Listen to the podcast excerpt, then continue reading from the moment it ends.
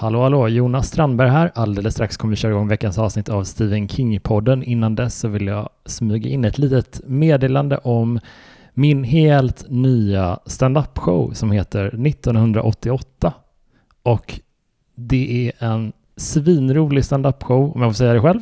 Och jag kommer köra den i bland annat Stockholm och Göteborg till en början. Och eftersom jag tycker om er lyssnare så mycket så vill jag ha så många av er där som möjligt. Och gå, om du är sugen på att gå på den här showen så gå in på biletto.se och eh, haffa en biljett. Så ses vi kanske där. Nu kör vi igång veckans avsnitt av Stephen King-podden.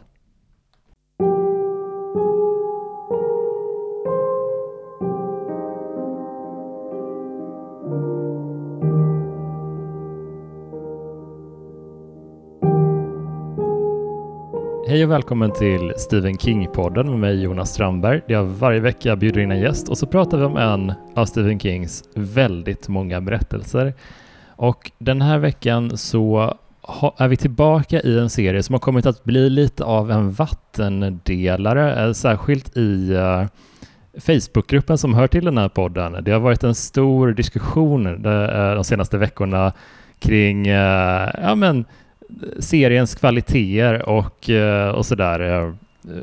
Och med mig för, för den tredje boken i den här Dark Tower-serien som vi ska prata om så har jag självklart med mig Björn Karlsson. Välkommen tillbaka. Tusen tack. Tusen tack. Äntligen. Ja, det, det ska bli så kul. Vi eh, har ju försökt få till det här lite grann och äntligen så, synk, så står stjärnorna rätt så att vi kan eh, snacka lite Wastelands. Exakt. Kan jag bara inledningsvis fråga dig hur har den här debatten, eh, har den påverkat dig? Har den liksom, vad, vad har du för tankar och funderingar kring, kring diskussionen som har stormat kring Dark Tower senaste tiden? Ja, det är provocerande givetvis. Um, det, nej, men uh, alltså, det är som du säger, att det, jag tycker det är lite kul för att min, min liksom ingång har alltid varit att alltså, om man tycker om Stephen King och är någorlunda bekant med hans eh, bibliografi så älskar man Dark Tower. Eh, och så är det. Alltså man älskar det, man älskar Pestens tid, man älskar Dark Tower. Och, ute, och, och efter det så är det lite eh, olika liksom. Men de, de tre enas man i. Men det verkar som att det inte stämmer. Så att hela min världsbild fick ju liksom, eh, den skälvde ju lite. Mm.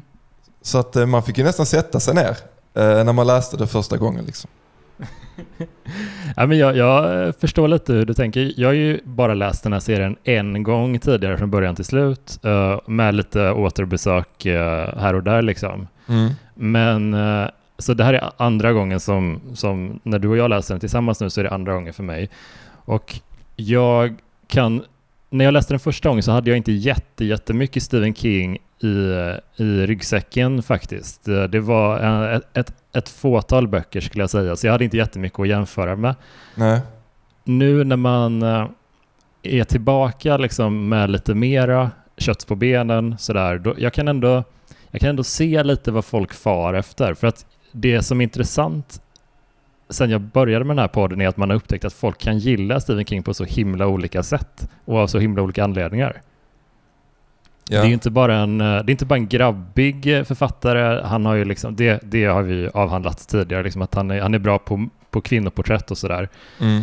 Men eh, det finns ju folk som gillar honom väldigt mycket på grund av den renodlade skräcken. vissa är mer förtjusta kanske i hans ja men, eh, hans, ja men Dolores Claiborne och, och Lida och, och, och de mera liksom dra draman som han är så bra på också. Ja, absolut. Och det, det tänker jag är det som delar här, att man, att man tycker att han kanske då inte behärskar den här genren fullt ut. Eh, och att man ser mer förtjänster när han skriver annat. Och kanske är mer van att läsa när han skriver annat. Och det kan ju också påverka vilka förväntningar man har. Att man kanske går in med förväntningar att det ska vara det eller det ska vara så. Så är det inte alls det. Och så kanske mm. man har läst andra fantasyförfattare eller så som man tycker att som man tycker är överlägsna och då blir det att den här hamnar i någon form av mellanläge där man inte riktigt tar den till sig. Eh, men, men, eh, och vi pratade också lite om det när vi, när vi pratade om, jag tror, eh, drawing, att, eh, att den här serien är ju, är ju ganska fullspäckad med saker som man bara får köpa. Alltså att man kan liksom inte, om man, om man har den ingången i att man vill, alltså att man gillar eh, Lida och den typen av böcker och man vill att det, allting ska make sense och det ska så. Eh, då är det klart, klart att den här är lite svårsmält eh, i stunder liksom. Om man inte har så nära till att så här, ja ja, men så är det. Mm. Ja, men precis. Jag tänkte på det när uh, Helena Dahlgren som varit med i podden flera gånger, hon är inte jätteförtjust i den här serien. Eller hon har, inte, hon har inte läst den sådär jättemycket, men hon, hon är inte så förtjust i den. Och uh, jag, jag kan förstå hennes invändningar, men nu när vi har läst den här tredje boken, mm. Dark, Dark Tower 3, The Waste Lands, då kan jag känna liksom att King själv i takt med Roland och uh, oss uh, så upptäcker han världen uh, alltså successivt för ja. varje bok lite mer. Han, han förstår mer hur den fungerar. King upptäcker hur den fungerar, Roland gör det och vi som läsare gör det samtidigt. Så att det är, en lite, det är ett lite annorlunda litterärt experiment på något sätt. Att han inte har kartat upp allting tydligt från första början utan det är, det är lite grann som, som avslöjas för varje bok typ. Ja, och nu känns det ju med den här boken, eh, det, det, sa vi också, eller jag, jag gillar drawing jättemycket men nu så känns det som att eh, här tar ju världen form på ett annat sätt. Mm. Alltså att det, eh, första boken väldigt prologaktig, den, det pratade vi också om. Eh, andra boken så är det mycket så här, aha, eh, okej okay, här får vi köpa att här står det en dörr. Typ. Alltså att, att han bara mm. han testar liksom vattnet lite där och nu så får man att så här, ah, okej. Okay. Och så kan man tänka tillbaka på de andra delarna. Okej, okay, det var så därför att eh, mm. världarna hänger ihop på detta sättet eller vad det nu är. Så mm. visst, här, här sätts ju spelreglerna och också att, att liksom själva gruppen, deras katet eh, blir fulltaligt. Att här är det liksom, nu sätts ju eh, ramarna för, för resten av serien på något sätt. Mm. Nej men jag, jag, tänker också att den här eh, boken tillsammans med del två och del fyra tycker jag nästan är, representerar seriens höjdpunkt på något sätt. Den, den trion av böcker som ligger precis i mitten. Ja. Och när det, är, när det ligger till på det sättet att piken är precis då är, då, jag kan ändå förstå lite att det, det, den, det har en avskräckande effekt för att rätt många säger ju att kanske, antingen du var mer inne på kanske att eh, del två var, var din favorit och, och jag tycker väldigt mycket om den här. Ja, jag, jag, att, lite, jag tror lite jag har omvärderat nu när jag lä, alltså, läste om dem igen liksom efter varandra. Eh, mm. Så tycker jag att det är mycket jämnare eh, mellan de två. Sen tycker jag också att alltså fyra, den som kommer sen, eh, också är där och nosar. Eh, och den, mm. kanske jag, den kanske var den som jag blev mest känslomässigt involverad i, men det kanske är meningen också. Liksom. Ja, men den eh. känns som den mest pers personliga typ nästan. Ja. Eh. ja men jag fick, och jag fick också, jag, jag hade liksom glömt bort ganska jag tror att, förlåt om jag avbröt, din, eh, nej, nej. avbröt det här, men, men det känns som att eh, när man läser dem en gång och sen så har man minnesbilder av dem. För min del så har det blivit ganska tydligt i efterhand att mina minnesbilder eh, är så mycket kopplade till omslag på böckerna och liksom att man, man har sett, okej, okay, just det, att andra boken det är dörrarna och då börjar man tänka att vilken var, just det, det var den där och då hände det här på stranden och så är man så, ja okej okay, men då är huvuddelen av den boken på den här stranden och det är det som är liksom uh, the meat of it. Och likadant så kände jag med trean, så här, vad fan är tre, just vilken var nu det, just det, det är Blaine ja. Uh, mm. Och då bara, ja just det, det är där när de åker tåget så märker man att liksom, ah, det är det ju absolut inte. Uh, utan det är ju snarare fyran liksom. Verkligen. Jag tänkte precis också på det, att, att man förknippar del tre så mycket med det här eh, demoniska tåget som ja. är en eh, ganska central karaktär, men inte i utrymmesmässigt. det är det som är det konstiga. Blaine, tåget, kommer in ganska sent i den här boken. Och, eh, och det, det säger också någonting om styrkan i den karaktären. Att man liksom hänger upp hela boken på den i efterhand när man bara sa, ah, okej okay, det var 20 sidor. Nej men... Mm. ehm, Nej, men jag, jag tänkte rätt mycket på den här, eh, det, det, det som slår mig när vi återbesöker Dark Tower nu är att jag är väldigt en, en, en stor anledning till att jag tycker om den här serien, till, till det jag tycker om med den, är när jag börjar tänka på eh, Narnia-böckerna till exempel och eh, Trollkarlen från oss och sådär. Och den här är, Dark Tower-serien är lite grann som dem, fast med mycket, mycket mer dämpade färger och allting är mycket mer fucked up. Typ. Det är inte technicolor, det är, det är, det är en sepia-ton på, på allting. ja, det är verkligen CP alltså. Men, men det... Jag, jag tycker nog att den här på något sätt, den är, den är en väldigt di- direkt fortsättning på eh, Drawing of the Three, den förra boken. Mm. Och eh, vi följer egentligen bara ehm, eh, Roland, Susanna och eh, Eddie vidare på sin resa. Typ. Ja, och det Ja. känns, som en, det känns nästan som en ren äventyrsbok. Liksom. Mm. Ja, exakt. Det, det, det är en... eh, Ja, men de är... Det, det är lite Tolkien, lite... eh, Ja, men lite så. Lite en... en, eh, en de vallfärdar helt enkelt. Ja. Nej, men, och jag tänker det är intressant. Jag vet inte hur mycket vi ska... Ska vi dra liksom eh, någon form av synopsis? Det, vill du göra det? Eh, kan jag göra, absolut. Vi, vi börjar ju eh, några veckor efter eh, drawing. Och de har rört sig från stranden, inåt land och där stöter de på en, eh, en enorm björn. Eh, som då visar sig vara en eh, eh, någon form av, eh, vad är det svenska ordet för cyborg? Är det någon form av android eller? Eh, nej? Ja, eh, Eller säger någon man sorts, eh, cyborg? ja, det är väl någon sorts, alltså delvis ett djur, delvis en robot typ. Liksom. Ja, är, precis. Det, det är roligt att det är så man öppnar boken med att nu är vi tillbaka. Ja, här är precis. någonting ni aldrig har sett innan. Någonting som både är liksom bio och mekaniskt i symbios. Eh, Mm. och, det, och, och som då vaktar, eh, jävlar vad det blir snöigt när man lä- eh, berättar så här.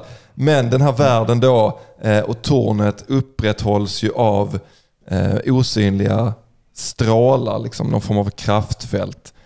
Eh, och de här strålarna vaktas av guardians eller vaktare som, som, Mm. eh, som eh, går runt och har det som sin uppgift. Och den här björnen då eh, är en sådan. Som, de, som har blivit, precis som allting annat i den här världen så har den blivit skadad och eh, eh, liksom eh, är inte i sitt, sitt bästa skick eh, efter lång, lång, lång tid. Och eh, har blivit lite sjuk och galen eller vad man ska säga och attackerar dem. Eh, och sen så klarar de av den här eh, prövningen och tar sig vidare och går då längs med den här strålen mot tornet. Så liksom, det känns som att själva vandringen mot tornet på något sätt börjar här egentligen. Ja, och det känns, så, det känns så lätt i början tycker jag för dem. När, när de eh, liksom bekantar sig med det här konceptet med strålarna som leder in mot tornet. Liksom. Ja, Då, och och då känns det som att, aha, då är det väl bara att följa den där strålen som liksom syns lite som en osynligt, ett osynligt kraftfält men som ändå så delar molnen lite grann och Precis. man kan ändå förnimma den här strålen på något sätt. man kan säga liksom att träden lutar lite eller liksom Ja. någon, någonting sådär. Nej men där är absolut också, jag tänker också på den scenen när de ska då besegra den här Shardik och, eh, och, de, och det har gått några veckor sedan de liksom kastades in i den här världen. Och nu är de så här fullfjädrade revolvermän och kan liksom hantera vapen som några riktiga eh, experter. Alltså allting går så himla snabbt och det är ett sånt tillfälle där jag bara känner så, ja, vi får köpa det här liksom. Eh, så är det. Och eh, nej men sen så, och i takt med att de rör sig genom eh, världen så får ju vi också som du säger upptäcka världen tillsammans med dem och King. Eh, Mm. Och se, okej var, var är vi egentligen? Alltså var befinner vi oss? Och, och man får en känsla för miljöerna, man får en känsla för avstånden, man får en känsla för liksom, eh, befolkningen också. Eh, Mm. Så jag tycker den här, är, den här boken har många förtjänster.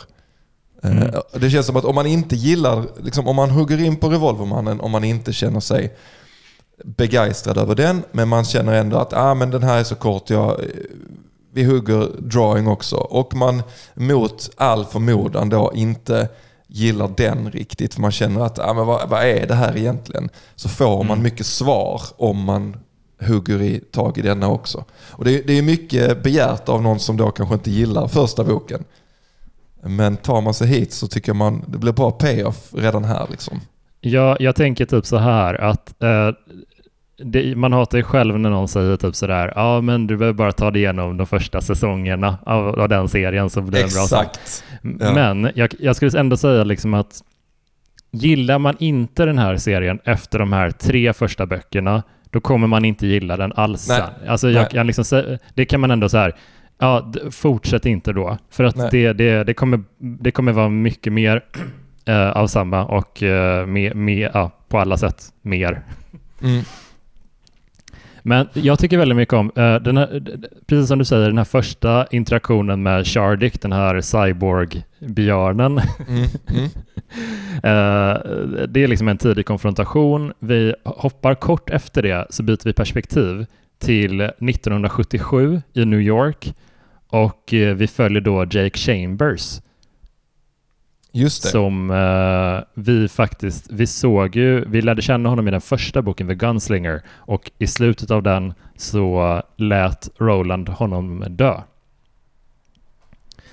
Eh, men i del två, som vi pratade om, eh, Drawing of the Three, då räddade ju faktiskt Roland honom Just det. Genom att ta koll på Jack Mort, den här otäcka mördaren. Ja. Och det blev ju, Eh, satte ju griller i huvudet på alla inblandade. Ja, precis. För det, det som då har hänt är liksom att eh, Roland har skapat en, en eh, fork in the road. Liksom, vägen delar sig i tiden. Liksom. Det finns en verklighet där Jake är död och en verklighet där han fortfarande lever för att han har blivit räddad. Och det håller ju på att driva Roland till vansinne i Midworld. Och eh, även Jake har påverkats av det här förstås. Han lever 1977 i New York. Han går i skolan, han lever ett vanligt liv. Men han har också eh, förnimmelser av den här andra världen. Han, han har liksom aningar av att han borde, han kanske inte borde vara här där han är. Precis. Han får flashbacks typ till att eh, han ska ha blivit dödad och sådär.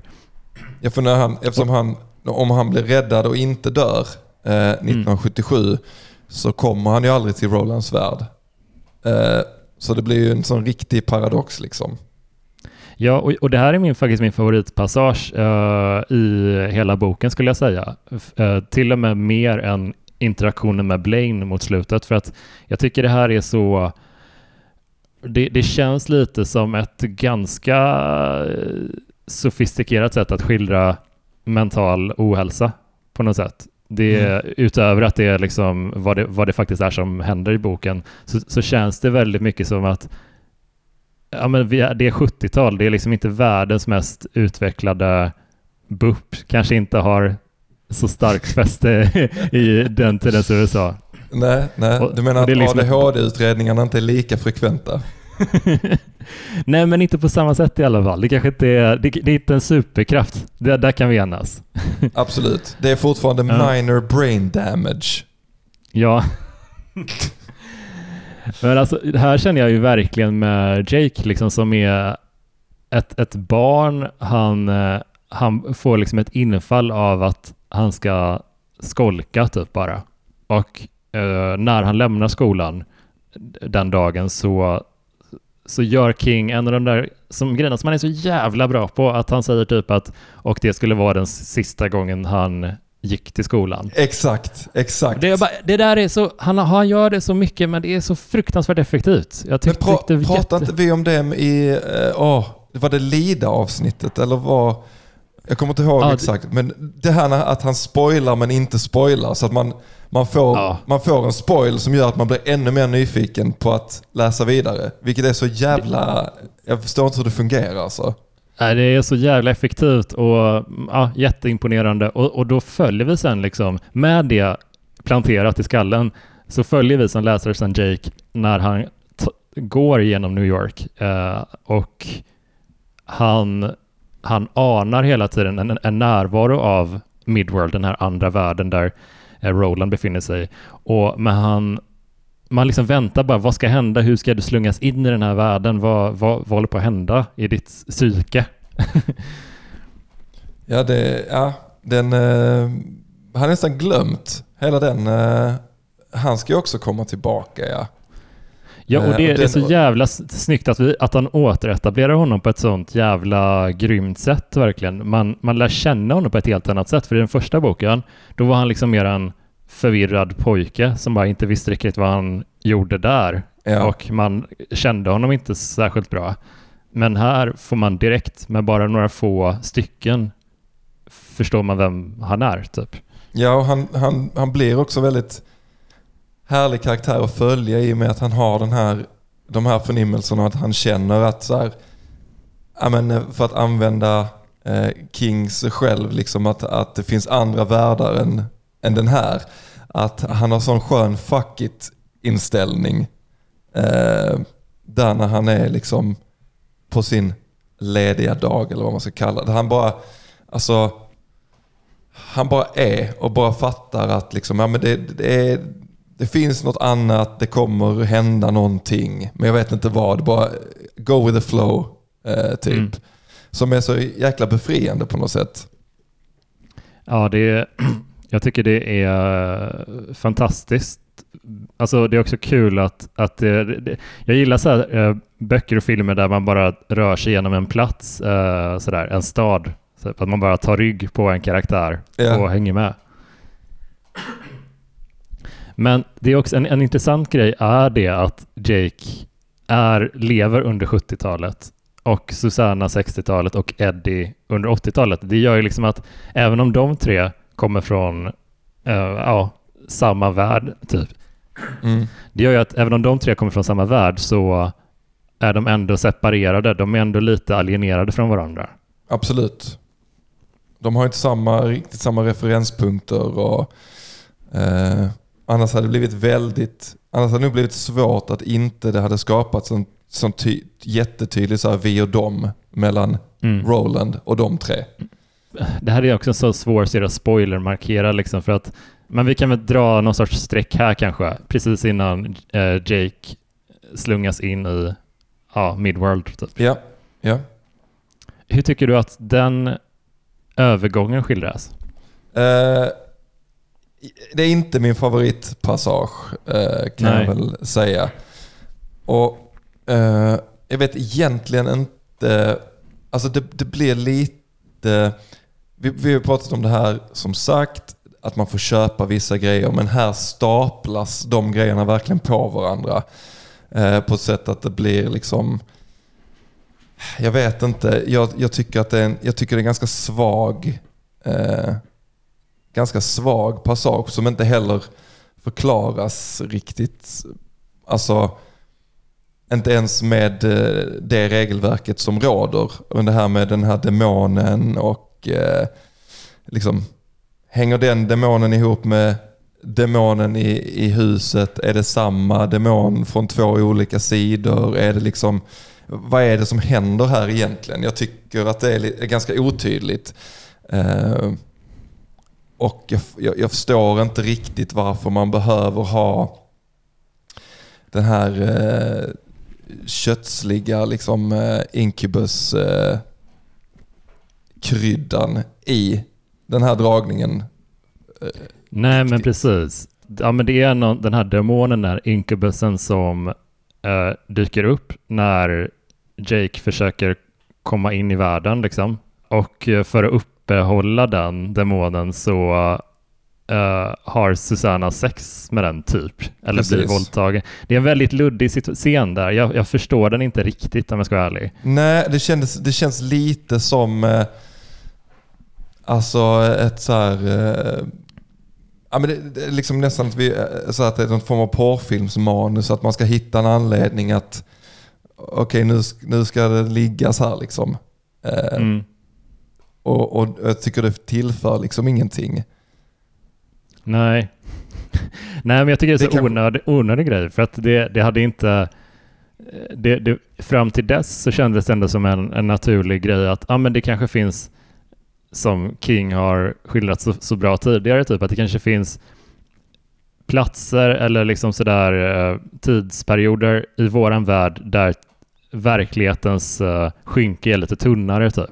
Ja. Där, där, där det, ja, men typ som den här eh, rosen som Jake hittar på den här byggarbetsplatsen. Just det. Mm. Det, det känns ju som en sån, ja men det är klart att det skulle kunna vara här. Det, Här är det lite lättare att träda in i Midworld om man Mm. är kallad typ.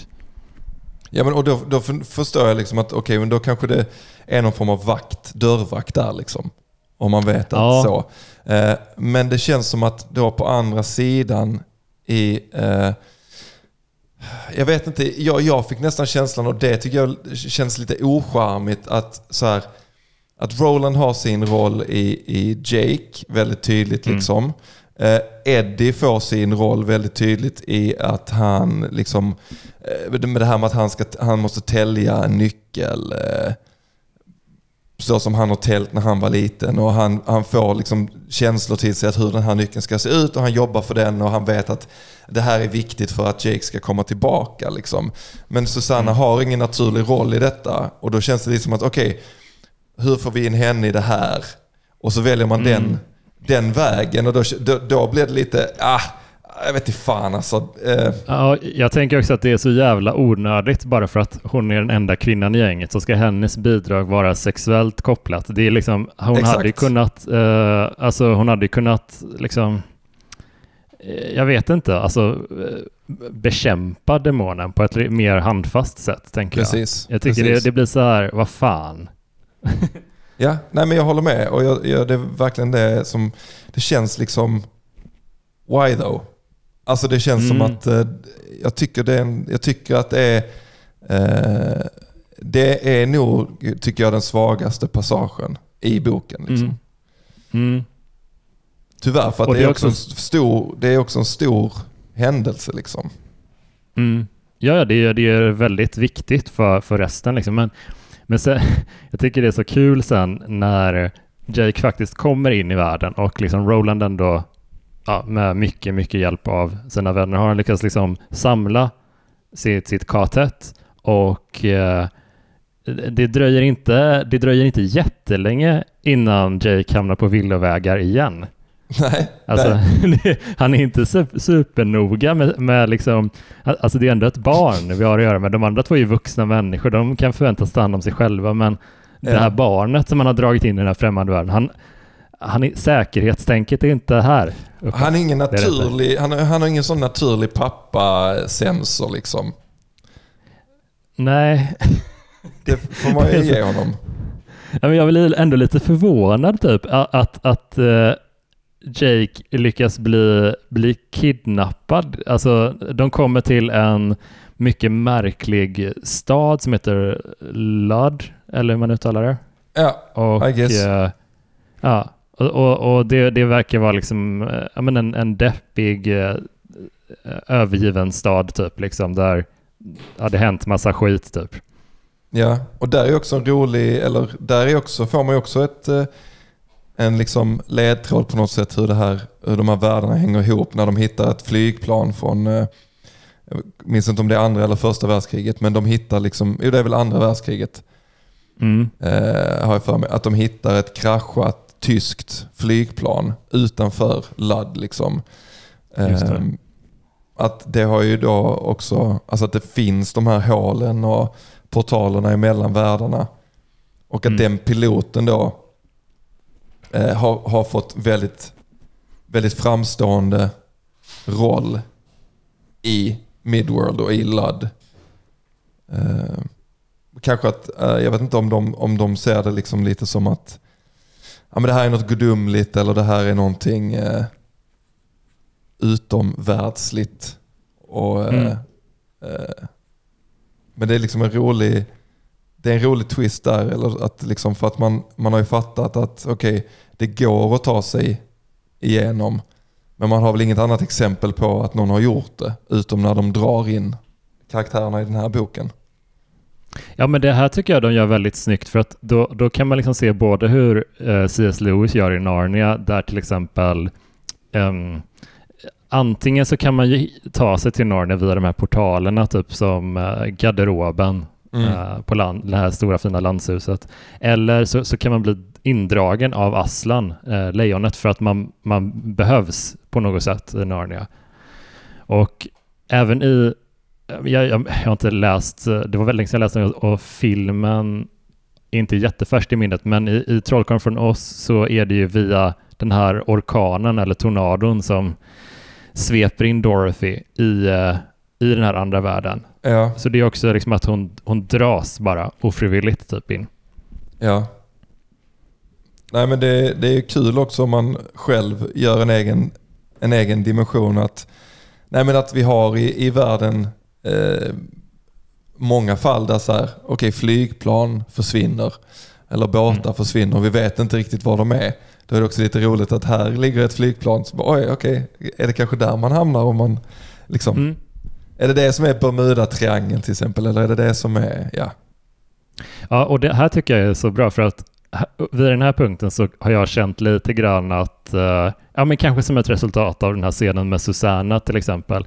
Men jag känner lite att, okej nu, har, nu har vi blivit lite frontloaded, det har blivit lite överlastat av konstiga grejer som vi inte är bekanta med. Mm. Men när man då introduceras till den här scenen med, med det tyska flygplanet, kopplingen till våran värld, då känns det, det känns som ett ankare typ. Så att jag, jag i alla fall kan relat- fatta och, och, och känner mer med att okej, jag, jag börjar begripa den här världen lite mer nu. Typ. Ja, ja men sätt. absolut. Och den... Eh, jag måste säga första gången jag läste och andra gången jag läste, jag bara, om man hoppar till ladd, så fick jag så himla olika bild av hur den stan ser ut. Mm. Alltså första gången jag läste så, så kände jag liksom att det här var ännu en sån här lite western stad fast större och det var liksom att det var nästan som en sån, du vet, har du spelat Fallout? Mm, spelen. Eh, om du tänker en, den eh, här Megaton-staden i, i Fallout 3. Alltså Ja, att det var nästan var den typen här postapokalyptiskt uppbyggd, liksom eh, att man så här, här har vi fått bygga en stad av skrot för det är det vi har att tillgå och så har det blivit större och större. Medan Mm. nu när jag läste den så bara fick jag, nej men vänta det här känns ju som att det är som att det är New York liksom, fast det har blivit ner, alltså nergånget. Ja, alltså de, de nämner ju den här bron eh, som påminner mycket om George Washington Bridge till exempel, som bara är där. Eh, och oklart varför, men, men det, är, det är de här parallellerna att, att det är så mycket eh, som är bekant. Och jag tänker typ att alltså, det, det känns lite på något sätt att Midworld drar in eh, en massa aspekter från andra världar, från olika realiteter. Alltså Mm. vi har ju dels, det, det, det kanske är det som är förklaringen på något sätt till western eh, aspekterna av det. Att vi har, fortfarande, vi har fortfarande revolvermän, alltså från så här 1800-talet i våran verklighet. De finns där, men vi Ja. har också alltså ganska avancerade motorfordon. Vi har liksom, alltså att Midworld drar in grejer bara. Det funkar som en magnet eh, Verkligen. mellan de olika världarna på något sätt. Men det känns ju som att det är lite... ehm, att... Alltså... Vad ska man säga? Lite som... Jag vet fan jag ska förklara, men, men som att den här tekniken, alltså som då de här motorfordonen, eh, datorerna och allt sånt. Det är liksom äldre än ju vad Roland är. Att det har liksom... Att det har hänt någonting tidigare som har liksom resetat världen. Och sen så har vi kommit fram till då kanske 1800-talet igen. men de här eh, liksom remnants finns fortfarande kvar. Det är liksom Star Wars, det här att så här, detta är en för, alltså, lång, för länge sen fast det är ändå framtid. Och sen så har det, Mm. alltså, jag vet inte hur man ska förklara men det känns som en sån eh, liksom, snöig kombination av olika tidsperioder. Mm. Ja men verkligen, och, och jag tänker typ att det, det kommer ju djupdykas mer i om jag inte minns helt fel, men det känns som att just att, att det mörka tornet är någonstans i Midworld.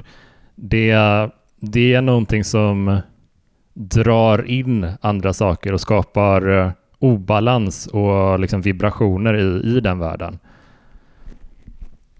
Ja. Men eh, vad var det jag tänkte på här? Han blev kidnappad, Jake. Ja, Jake, Jake blir kidnappad eh, och eh, gänget splittras upp.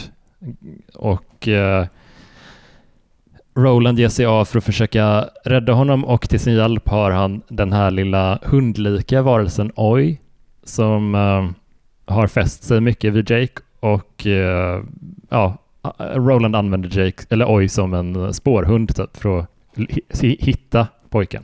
Ja. Jag tycker den, den här passagen kände jag lite... Jag vet inte riktigt. Jag, jag var inte helt förtjust i den heller kanske faktiskt. Det, Själva det- liksom det- sök, sökandet. Ja, men alltså att, att jag, jag fattar typ nästan inte att Roland lyckas slarva bort honom så jävla fort. Alltså det är så klantigt verkligen. Det, Ja. det, det är ju han som ska, alltså jag tycker Roland har, han är en så märklig karaktär för att han är, an, å ena sidan är han så väldigt stoisk, eh, eh, som en riddare eller en sammanbiten revolverman med en stark ansvarskänsla. Å andra sidan så är det som att han bara Ja, ja, men nu har jag dragit hit det här gänget som jag behöver. Eh, Då, att han är lite så här Erik Haag-aktig jag känslan av ibland. Att han lite så här bara, ja, eh, nu ska vi väl gå hit och okej, eh, hänger ni med eller? Alltså att lite fumlig och Ja. det, det, det, han har så konstig, konstiga personlighetsdrag ibland att jag bara, men eh, om du vet att du behöver Jake på något sätt, alltså, och han är, han är ett barn, snälla människa, du kan inte vara så jävla klantig med honom. Men vad, hur, för hur, hur är detta här nu? Är det att han säger till Jake att gå över först? Alltså gå över Mm. bron först? Mm, mm. Ja, och det är ju... Är, det inte, är inte det kardinalfel i alla typer av spända situationer? Att så här, någon starkar först, någon starkar sist. Eh, Ja, snälla, precis. Att de har de mest kapabla i början och slutet så att det liksom är en... eh, Det är så himla... Ja, ja, jag vet Ja. inte. Men, men en fördel med den här scenen, okej, det- man kan ändå... Jag tycker inte om det, men man får väl köpa att det händer återigen. Det, det som plus på plussidan är att vi introduceras till TikTok Man. ja, och... eh, och en riktig här- äcklig jävel också. Precis. Och jag kände lite exakt, och, och jag, jag tänkte typ bara TikTok man, vad fan vad, vad likt det namnet låter en annan karaktär. Och det kommer vi, mot slutet så kommer det att, att, knytas ihop lite på ett Okej, väldigt, okej. väldigt tillfredsställande sätt, ty, tycker jag. Mm. Jo, eh, i alla fall, det, det är en massa shenanigans, men Jake lyckas till slut eh, skjuta eh, TikTok man Ja. och eh, flyr och hela gänget återförenas igen. Alla är äntligen tillsammans och eh, parallellt med att Jake har varit kidnappad har då Eddie och Susanna väl? Mm. De har börjat kommunicera med Blaine, det här märkliga ondskefulla tåg, tåget som vi nämnde tidigare. Yes, yes. Inga konstigheter Vad- där, fortsätt. Vad är, vad är grejen med Blaine? Alltså vad, vad, är, vad, är, vad är det för karaktär? Ja, men Blaine är väl egentligen är ju Blaine bara ett eh, tåg som, eh, som liksom eh, har kört en rutt från typ Ludd till en annan stad som heter Topeka. Eh, som är nära, närmare tornet liksom. Eh, Mm. längs, längs strålens väg. Och, eh, och han eh, har kört där i, liksom, i, under jättelång tid men eftersom eh, världen har gått vidare så, så, så körs det inga tåg längre. Och han eh, är ju, alltså egentligen så är ju inte tåget i sig alltså tåget i sig är ju bara ett tåg. Men det styrs ju av en, eh, det styrs av en, en, en dator helt enkelt som är belägen under den här stora staden av Ludd. Och den datorn har väl med, med tidens tand liksom blivit degenererad och, eh, och fungerar inte som den ska helt enkelt. Och det symboliseras av att, att eh, den, den, den blir liksom självmordsbenägen och galen på något sätt. Mm. Och Eh, det tar ju sig uttryck i då Blaine eh, eftersom de behöver åka med det här tåget de behöver åka med Blaine för att komma vidare mot tornet. De kan liksom inte ta, det är det som är The Wastelands då utanför Ludd där, där det är liksom, som jag tolkar det, eh, ja, men helt, som att det har varit kärnvapen. Eh, alltså det är helt fyllt med radioaktiv strålning och missfoster och eh, liksom... Eh, det går inte att röra sig där liksom. Nej, alltså du, du kan liksom inte bara så ta din eh, din eh, kappsäck och promenera längs strålen där. Utan de, de, de är tvungna att åka med Blaine. Mm. Och Blaine blir då eh, deras kontakt med den här degenererade datorn under staden. Liksom. Eller datasystemet eller vad det nu är. Mm. AI kanske, jag vet inte. Precis. Uh, och uh, Blaine är också, kanske som ett resultat av sin sviktande mentala hälsa, väldigt, ja. väldigt fixerad vid gåtor. Um, Precis. Och gåtor har det ju introducerats tidigare i, i boken är väldigt, uh, uh, vad ska man säga, det, Roland är också väldigt intresserad av dem och, och de, de, de är lite mer av en uh, det finns mer av en prestige kring gåtor i den här världen, att det, det, de betraktas lite mer som ja, men, tankenötter och, och, och och ja, men det, är no, det är någonting för intellektuella typ. Ja, det är inte så why did the chicken cross the road eh, skämt mm. liksom.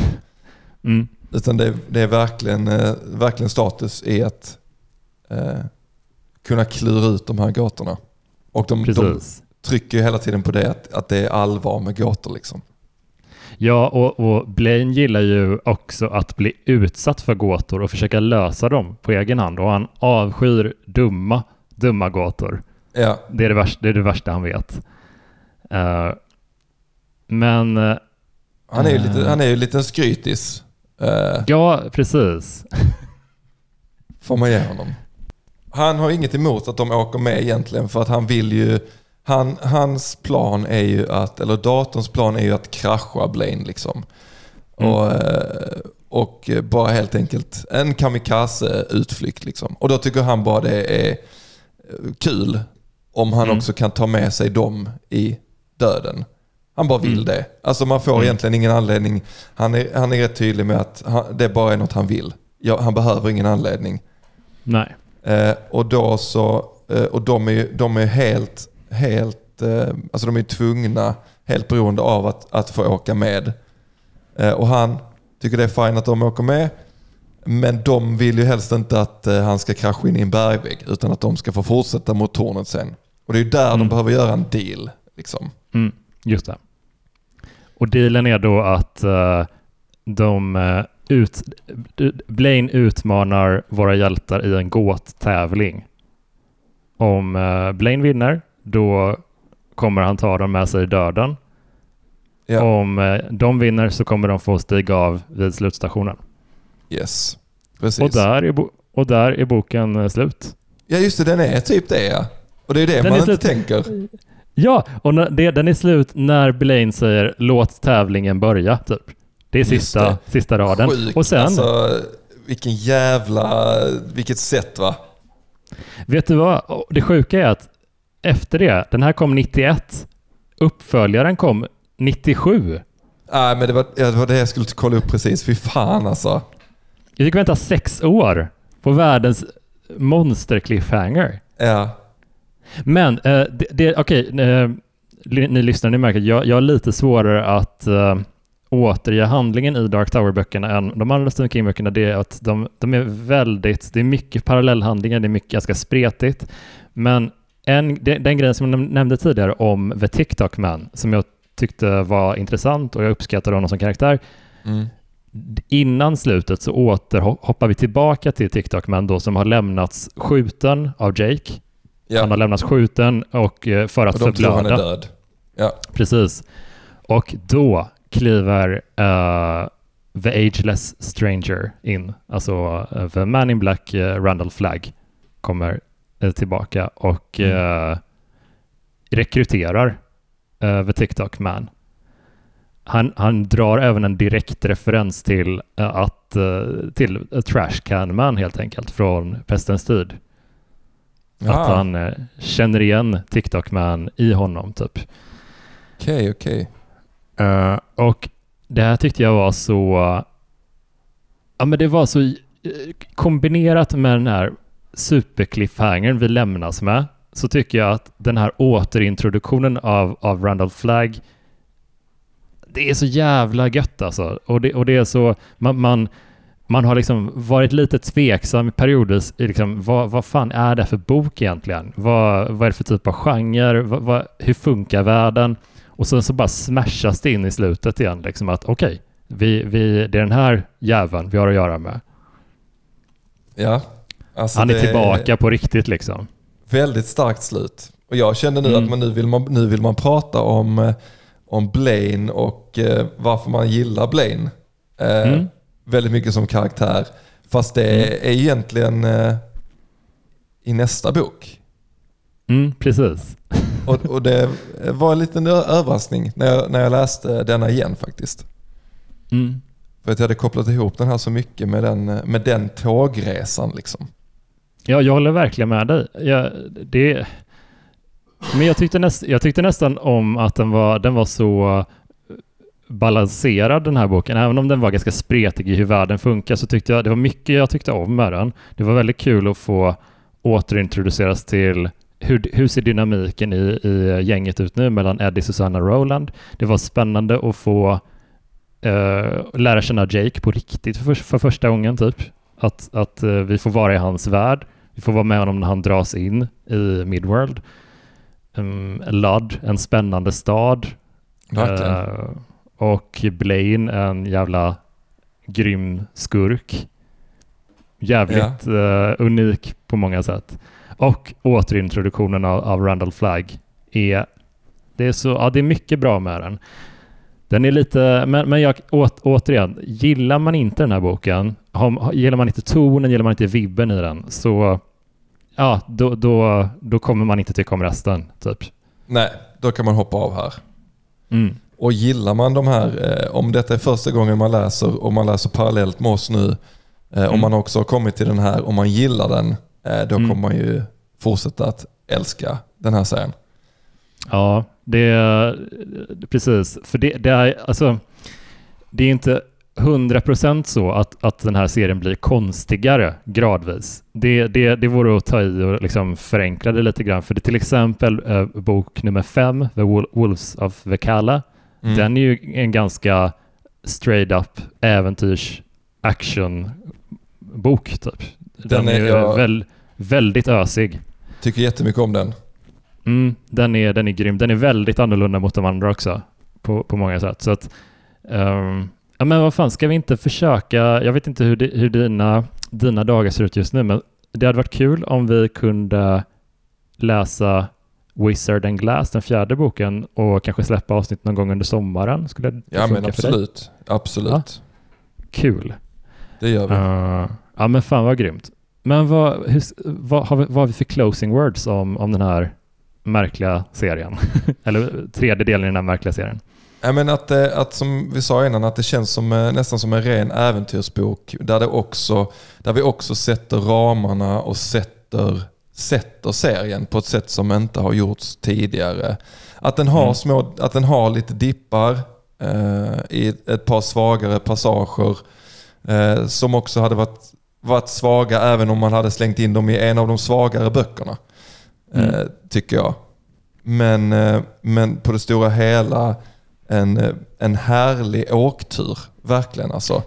Och Verkligen. den åkturen fortsätter nästa. Nej, Ja men jag tycker det var så snyggt att, att den särskiljer sig så extremt tydligt från om den uppenbara eh, jämförelsen uh, Sagan om ringen typ. Att, Mm. att när i, i de böckerna och filmerna, när de kommer in, börjar närma sig Mordor typ, eller det hotfulla, den hotfulla, de hotfulla länderna, så det är så himla fantasy. Här är det någon sorts, det har varit lite fantasy tidigare, men nu är det postapokalyps plötsligt. Verkligen. Så att jag tycker det, det, det håller saker ganska intressanta på något sätt. Att det kan Ja. ju också vara så här. Och, och ju mer man tänker på hur världen fungerar i Dark Towers, desto mera hänger det ihop på något sätt.